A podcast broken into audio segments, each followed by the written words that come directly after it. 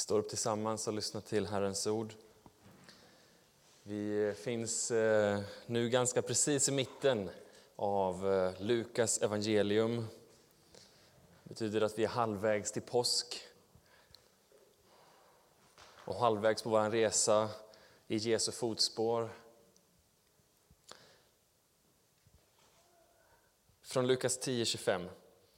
En laglärd som ville sätta honom på prov reste sig och sa Mästare, vad ska jag göra för att vinna evigt liv? Jesus sa, vad står det i lagen? Hur lyder orden? Han sa, du ska älska Herren din Gud av hela ditt hjärta och med hela din själ och med hela din kraft och med hela ditt förstånd och din nästa som dig själv. Jesus sa, det är rätt. Gör det, så får du leva. För att visa att han var rättfärdig sa mannen till Jesus, och vem är då min nästa? På den frågan svarade Jesus, en man var på väg från Jerusalem och ner till Jeriko och blev överfallen av rövare. De slet av honom kläderna, misshandlade honom och sedan försvann de och lät honom ligga där halvdöd. En präst råkade komma samma väg. Och när han såg mannen vek han åt sidan och gick förbi. På samma sätt med en levit som kom till platsen. När han såg honom vek han åt sidan och gick förbi. Men en samarier som var på resa kom och fick se honom ligga där och han fylldes av medlidande. Han gick fram, han hällde olja och vin på såren och förband dem. Sedan lyfte han upp honom på sin åsna, förde honom till ett värdshus och skötte om honom. Nästa dag tog han fram två denarer och gav åt värden och sa, sköt om honom och kostade mer ska jag betala dig på återvägen. Vilken av dessa tre tycker du var den överfallne mannens nästa? Han svarade, den som visade honom barmhärtighet. Då sa Jesus, gå du och gör som han. Herre Jesus Kristus, vi tackar dig för ditt ord och vi ber dig att det idag ska ge oss liv. I ditt namn. Amen. Varsågod och sitt.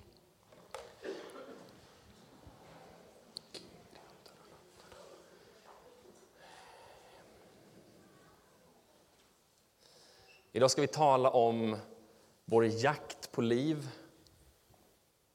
Vår jakt på liv hur vi försöker lösa det själva och hur omöjligt det är att lyckas. Vår jakt på liv, hur vi försöker lösa det själva och hur omöjligt det är att lyckas. Jag vet inte om du har haft några mål. Man fungerar ju olika. Och jag märker det att man fungerar olika som människor och, jag och Linn vi fungerar väldigt olika. Jag är väldigt målfokuserad. Kan tänka på en sak åt gången. Och hon har fler bollar i luften.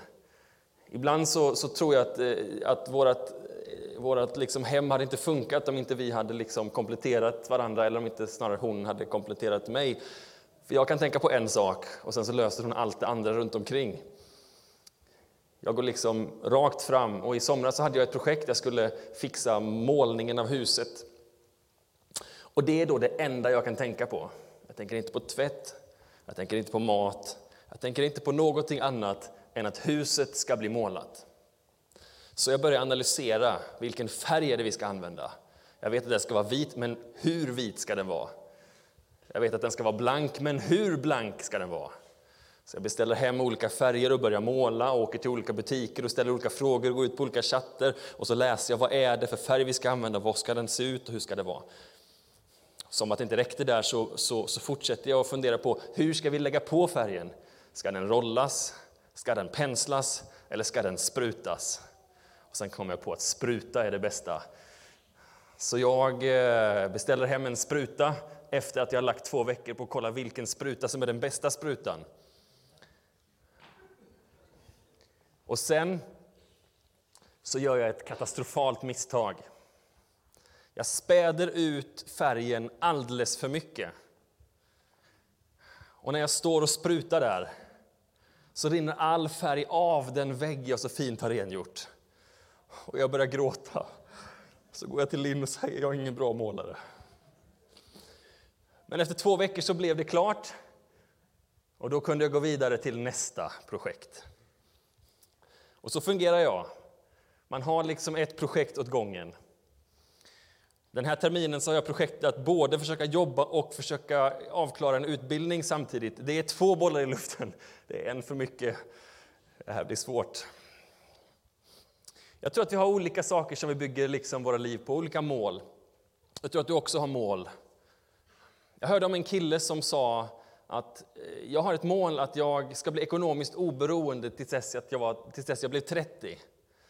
Och han la upp hela sitt liv från det att han var tonåring och framåt. Han skulle gå rätt utbildning, han skulle investera i rätt aktier, han skulle göra allting på rätt sätt så att han skulle vara ekonomiskt oberoende och slippa tänka på pengar till dess att han var 30. Och det visade sig att han lyckades. Och jag tror att väldigt mycket av det som vi förutsätter oss att göra, om vi sliter, om vi jobbar, om vi använder vår tankekraft, om vi lägger manken till, så lyckas vi med det. Jag kan inte lova att alla kan bli ekonomiskt oberoende när man är 30, men det ligger någonting i den drivkraft som vi har. Om vi bestämmer oss för att göra någonting så lyckas vi ofta med det.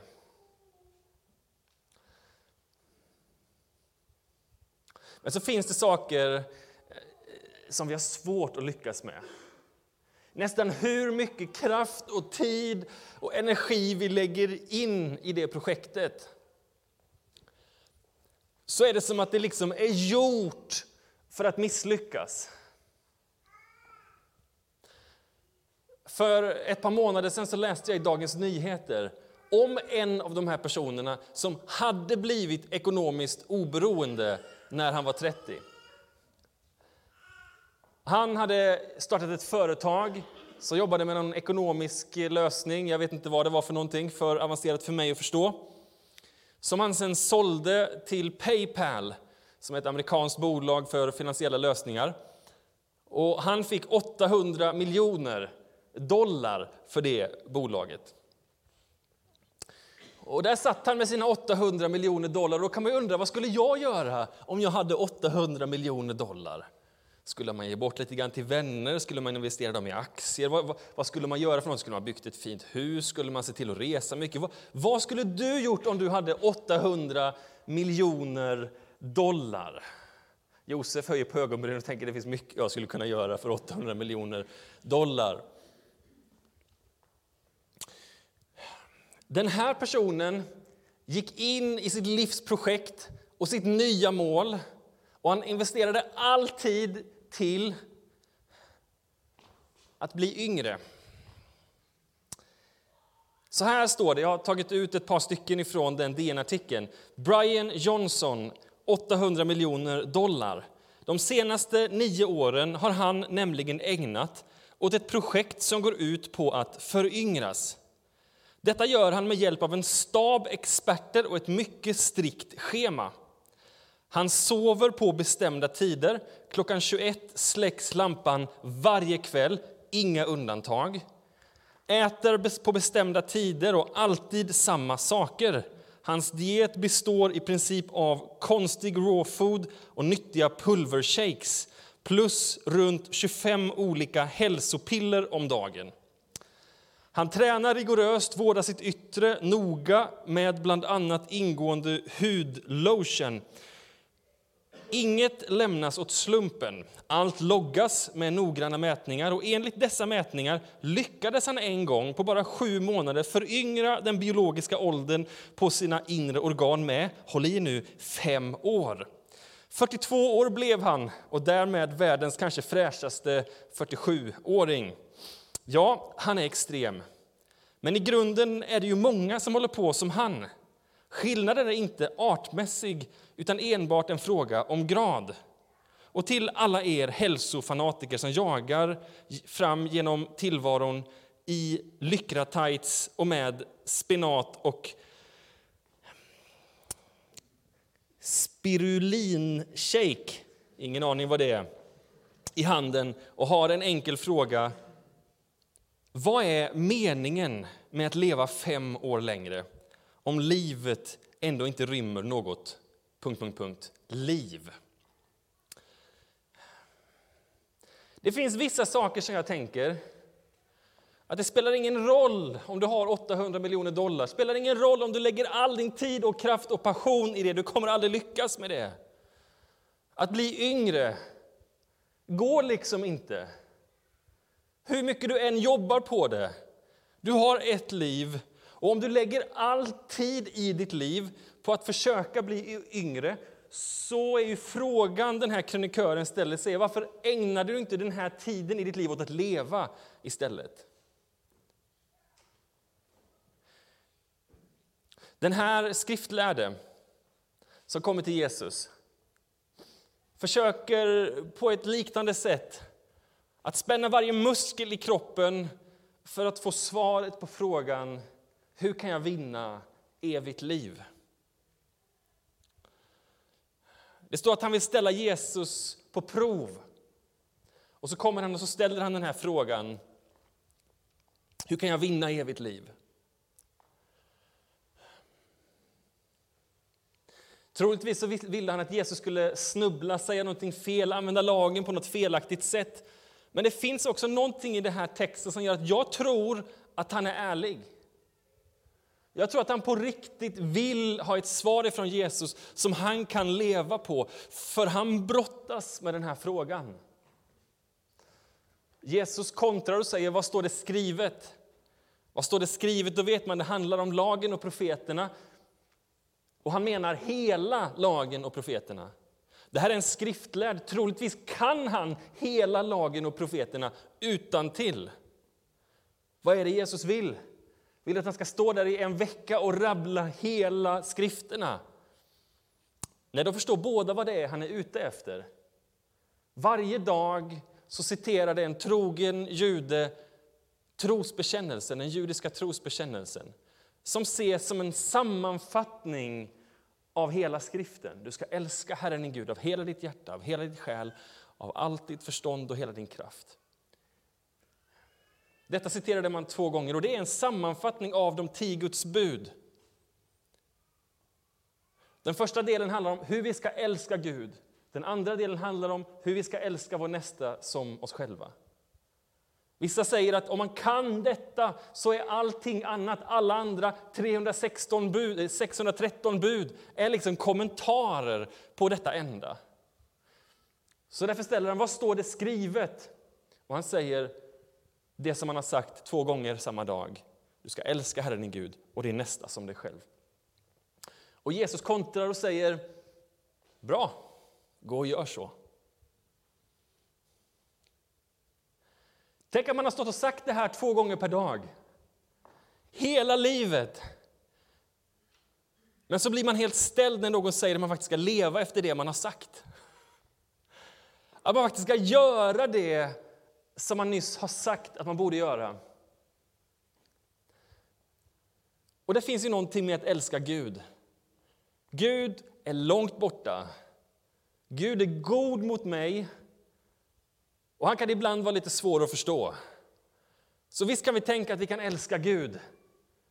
Det blir liksom abstrakt, så vi kan säga yes, vi når dit. Han har troligtvis ägnat all sin kraft åt att lyckas med den uppgiften.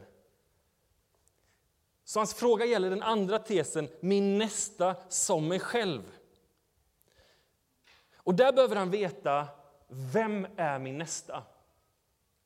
Så han ställer frågan till Jesus, så vem är då min nästa. Har du gått i kyrkan eller varit i söndagsskolan har du hört den här berättelsen. Kanske har du sett den i något drama någon gång. Eller du vet, den här är vanlig. Den barmhärtige samariten kommer nu som svar ifrån Jesus. Han säger, det var en man som var på väg, vägen ner mot Jeriko. Han reste alltså från norra Israel till södra Israel, skulle till Jerusalem, tog vägen genom Jeriko precis där så var det bergigt, det var klippigt, det var mycket grottor runt omkring och det var ett, en farlig passage, öde. Så fort som han sa vägen vid Jeriko så tänker folk runt omkring, oh, där ska man inte gå. Och där ska man absolut inte gå ensam. Vilken dumbom som går där ensam, tänker folk. En man gick där ensam och han blev överfallen av rånare. Självklart blir man överfallen av rånare där. Alla vet det, man går inte den vägen ensam. Han blir slagen, han ligger där halvdöd, står det, och allting han hade är taget ifrån honom.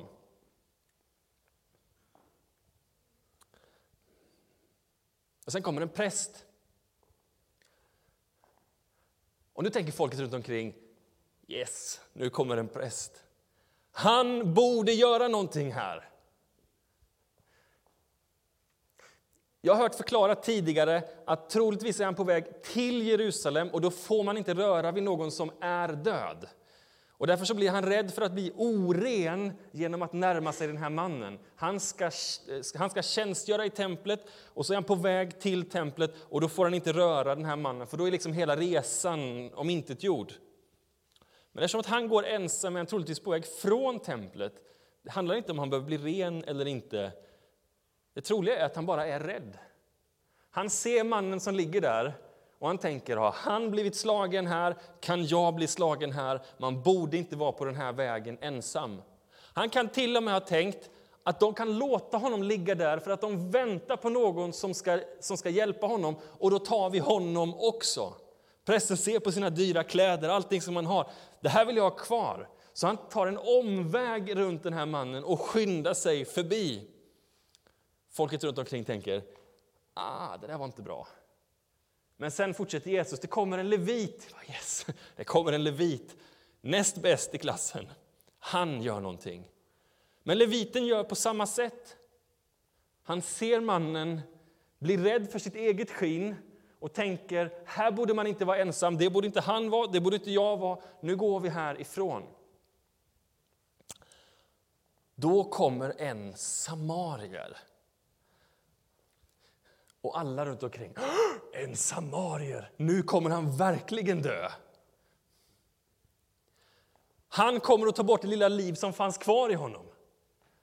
Därför att samarierna och judarna avskydde varandra.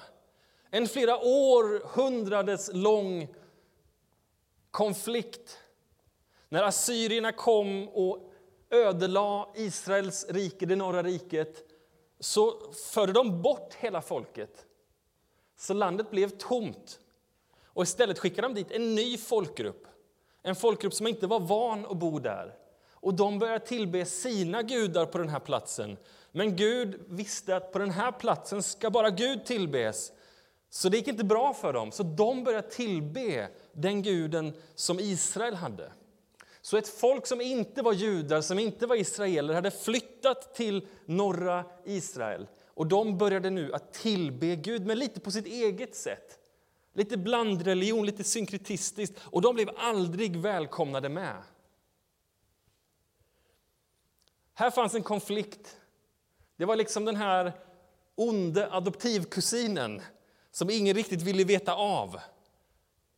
Vet ni att det var till och med så här att en rättrogen jude bad, förutom trosbekännelsen, så bad han Gud förbanna samarierna.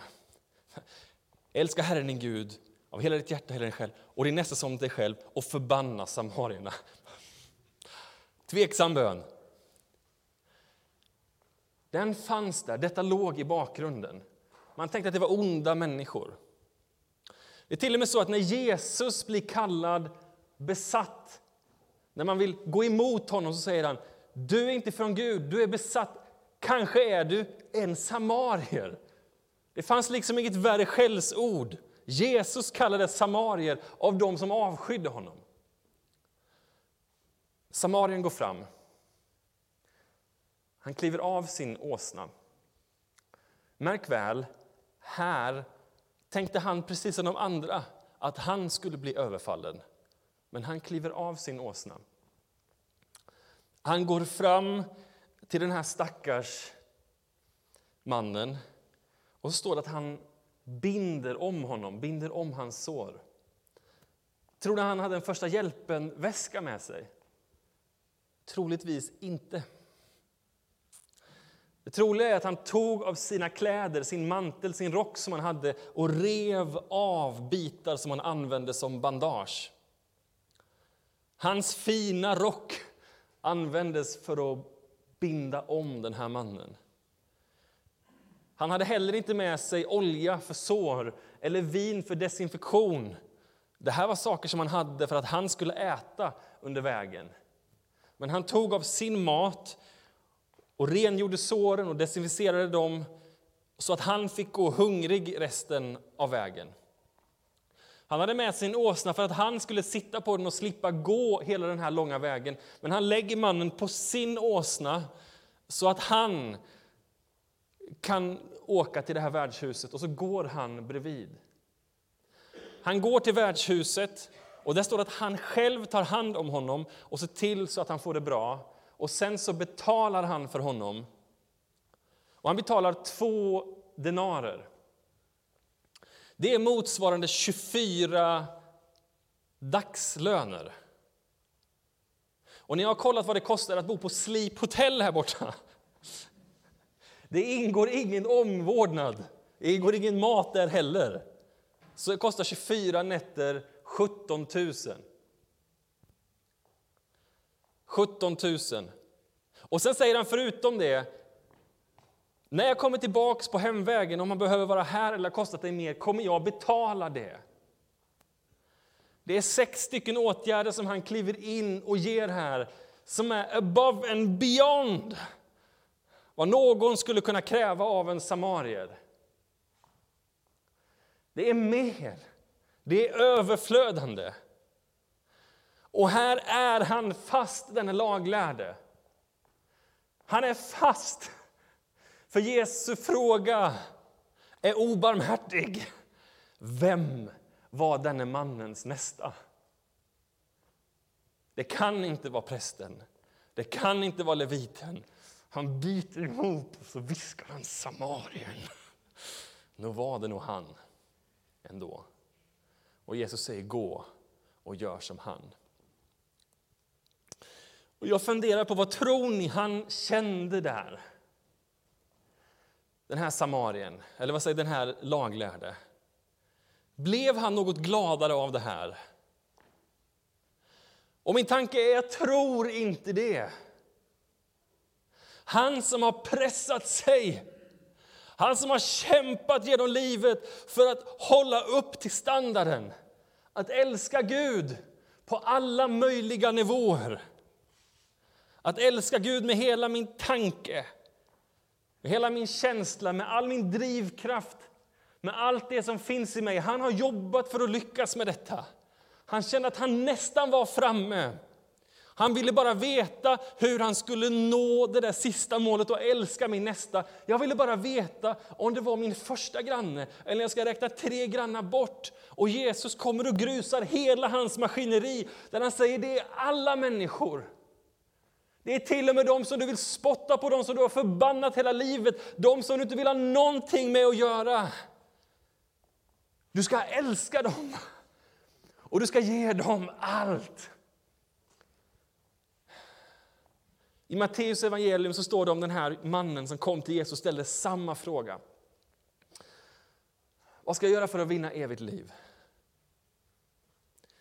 Och Jesus säger, gå och sälj allt vad du äger och har och ge åt de fattiga. Och så står det, mannen gick bedrövad därifrån för att han ägde mycket. Och jag tänker det är samma sak med den här mannen. Han måste gått bedrövad därifrån för han inser, inte ens en kamel det är lika svårt för en kamel att komma igenom ett nålsöga som det är för mig att klara det där. Så vad är poängen med att Jesus säger detta? Vad är poängen med att han säger detta? Poängen med detta är att Jesus inte pekar på dig och mig. Han säger inte att du och jag kommer att klara det här. Han säger ni har kallat mig samarier. Jag är samarien. Det prästen inte klarade, det leviten inte klarade, det ingen annan människa klarar, Samarien klarar det. Jag är den som binder deras sår. Jag är den som tar av mina kläder. Jag, jag blev inte bara, mina kläder blev inte bara sönderrivna, jag blev avklädd naken. Och jag förband dina sår. Jag var ute i öknen och jag var hungrig och jag var törstig. Jag gav dig att äta. Jag desinficerade dina sår. Jag lindrade dem. Den åsna som jag skulle rida på, jag la dig på den. Och jag för dig till en plats där du kan vila ut. Psalm 23. Jag för dig till gröna ängar, till en plats där du kan vila ut. Och sen när du kommer till den här platsen så ska du veta, säger Jesus, att jag har betalat priset. Jag betalar ett pris som är så högt att ingen annan någonsin har betalat ett pris som är så högt. Jag klev av den där åsnan och gick fram till dig, inte bara med risk för mitt liv, utan för att det kostade mitt liv. Du som är slagen, du som är sårad, du som är bedrövad. Jesus är den barmhärtige samariten som kommer, kommer till dig och mig och vill resa oss upp. Vad har då det här med oss att göra? Varför säger han det här till oss precis som att det här liksom skulle vara uppnåeligt ändå? Därför att detta är evangelium. Det han har gjort för oss är ett verk som vi aldrig kan göra i egen kraft. Men när vi blickar på det som han har gjort när vi vilar på de gröna ängarna dit han har fört oss när vi får bo vid det vattnet så händer någonting med våra liv. Det händer någonting med vår blick, det gör någonting med vilka vi är. Och helt plötsligt så kan vi försöka älska Gud genom Jesu kärlek för Gud. I Johannes 1 och 12 står det han gav oss rätten att bli Guds barn. Det handlar inte om att vi är Guds barn innan. Men genom att Jesus är Guds barn kan vi genom att ikläda oss Jesus bli Guds barn. Vi får rätt ställning till honom för att vi kliver in i det som han är för oss. Vi kan be bönen Jesus, lär oss älska så som du älskar. Lär oss se Gud så som du ser Gud. Vi som inte kan det här av egen kraft, ge oss den kraften så att vi kan älska så som du älskar. Vi iklär oss hans kärlek. Och på samma sätt så ber vi i bönen, Herre, ge oss din blick för världen. Ge oss din blick för de sårade. Ge oss din blick för alla dem som vi inte kan älska på egen kraft. Ge oss ditt hjärta för människor. Ge oss ditt hjärta för världen. Så det här exemplet är inte annat än en bön för oss. Herre, lär oss att älska dig. Herre, lär oss att älska dig med hela vårt hjärta, med hela vår själ, med all vår kraft och med hela vårt förstånd. Herre, hjälp oss att vandra den vägen.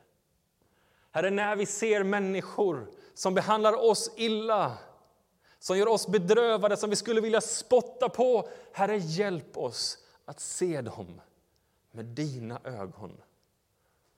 På det sättet så blir den barmhärtige samariten Jesus som går före och vi som följer efter i hans fotspår. Men du som känner igen Jesus vet att han är inte bara den barmhärtige samariten. I den här texten är han också den slagne mannen. Han är på samma gång den barmhärtige samariten och den slagne mannen. I Matteus 25 och 31 står det när Människosonen kommer i sin härlighet tillsammans med alla sina änglar då ska han sätta sig på härlighetens tron. Och alla folk ska samlas inför honom och han ska skilja människorna som heden skiljer fåren från getterna. Han ska ställa fåren till höger om sig och getterna till vänster. Sedan ska kungen säga till dem som står till höger, kom, ni som har fått min faders välsignelse och överta det rike som har väntat er sedan världens skapelse. Jag var hungrig, och ni gav mig att äta. Jag var törstig, och ni gav mig att dricka. Jag var hemlös, och ni tog hand om mig. Jag var naken, och ni gav mig kläder. Jag var sjuk, och ni såg till mig. Jag satt i fängelse, och ni besökte mig. Då kommer den rättfärdiga och frågar, Herre, när såg vi dig hungrig och gav dig mat? Eller törstig och gav dig att dricka? När såg vi dig hemlös och tog hand om dig? Eller naken och gav dig kläder? Och när såg vi dig sjuk eller i fängelse och besökte dig? Konungen ska svara dem sannerligen. Vad ni gjort mot en av dessa mina minsta bröder, det har ni gjort mot mig. Det finns två stycken saker som jag vill säga om den här texten. För det första, det finns en berättelse om en änka. En otroligt rik änka som hade en brorson. Och han skulle ärva allt det som hon hade.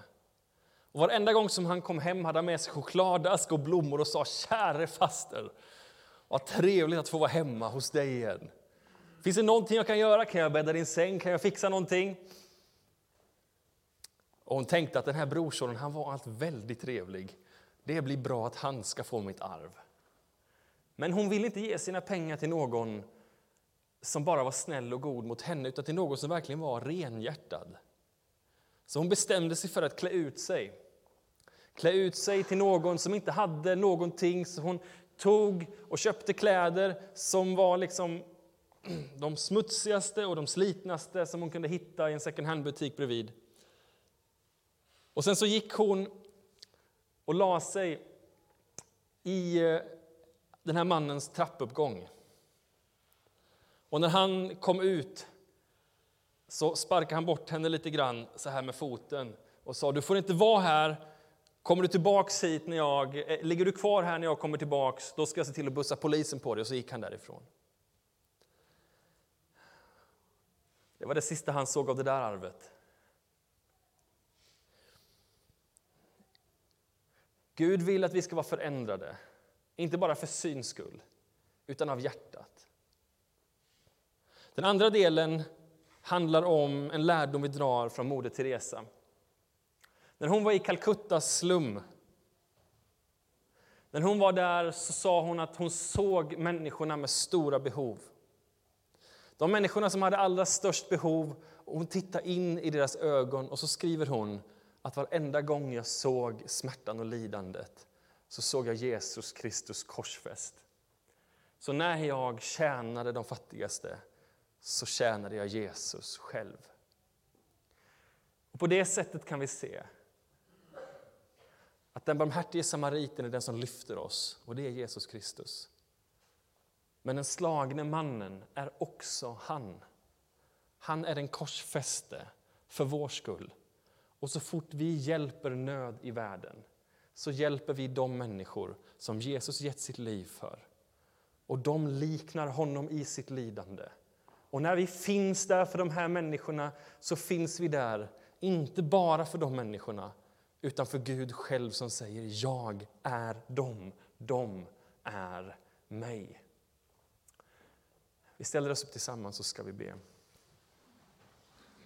Herre Jesus Kristus, vi tackar dig för att vi inte behöver klara oss i egen kraft.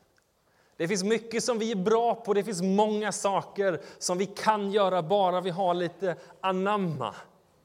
Bara vi känner att vi liksom lägger på lite sisu i livet så klarar vi oss vi kan måla hus, vi kan klara studier, vi kan arbeta oss upp, vi kan vinna en miljon, men vi kan inte vinna evigt liv. Vi kan inte föryngra oss, vi kan inte vinna evigt liv, vi kan inte leva rättfärdiga inför dig. Helighet är bara någonting som kommer genom det som du har gjort och genom att vi får följa efter. Herre, tack för att du är den som kommer till oss Du är den som ger oss liv. När vi är slagna så reser du oss upp. Och Herre, i varje slagen människa, i varje utsatt människa och i varje behov som finns så kan vi tjäna det behovet och i det se dig. Tack Jesus för allt det som du har gett och gjort för oss. I ditt namn. Amen. Vi ska gå in i en stund av nattvard.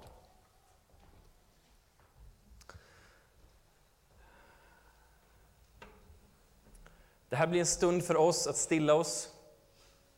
En stund för oss att bekänna våra synder och att få förlåtelse.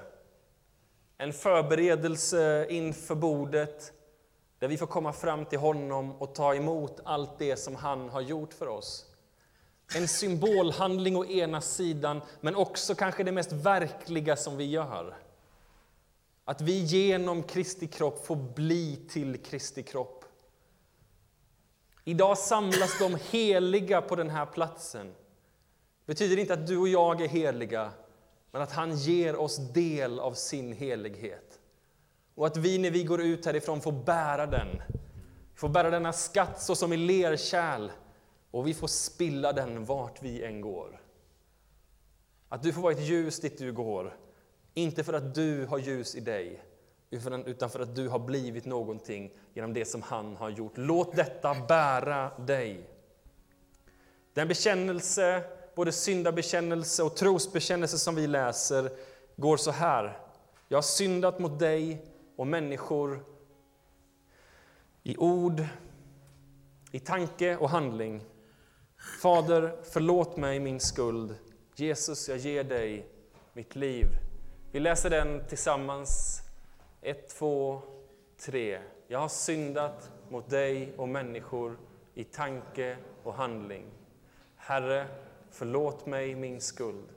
Jesus, jag ger dig mitt liv. Herre Jesus Kristus, tack.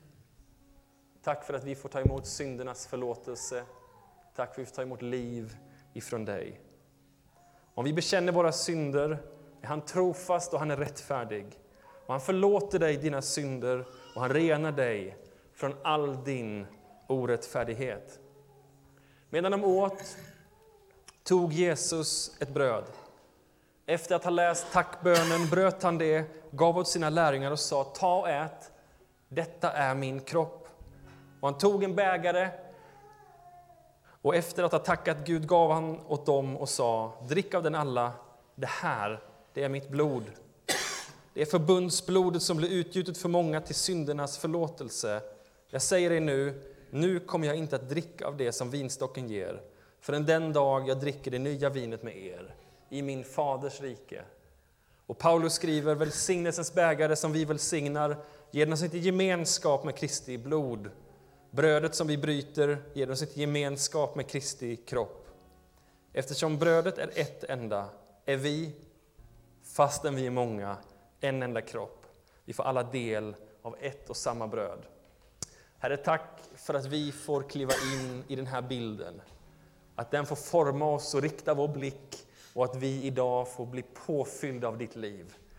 Varmt välkommen alla du som tror och bekänner dig till Jesus Kristus Allting är förberett för dig. Om du vill finns det möjlighet att här få förbön i sidosalen. Varmt välkommen fram.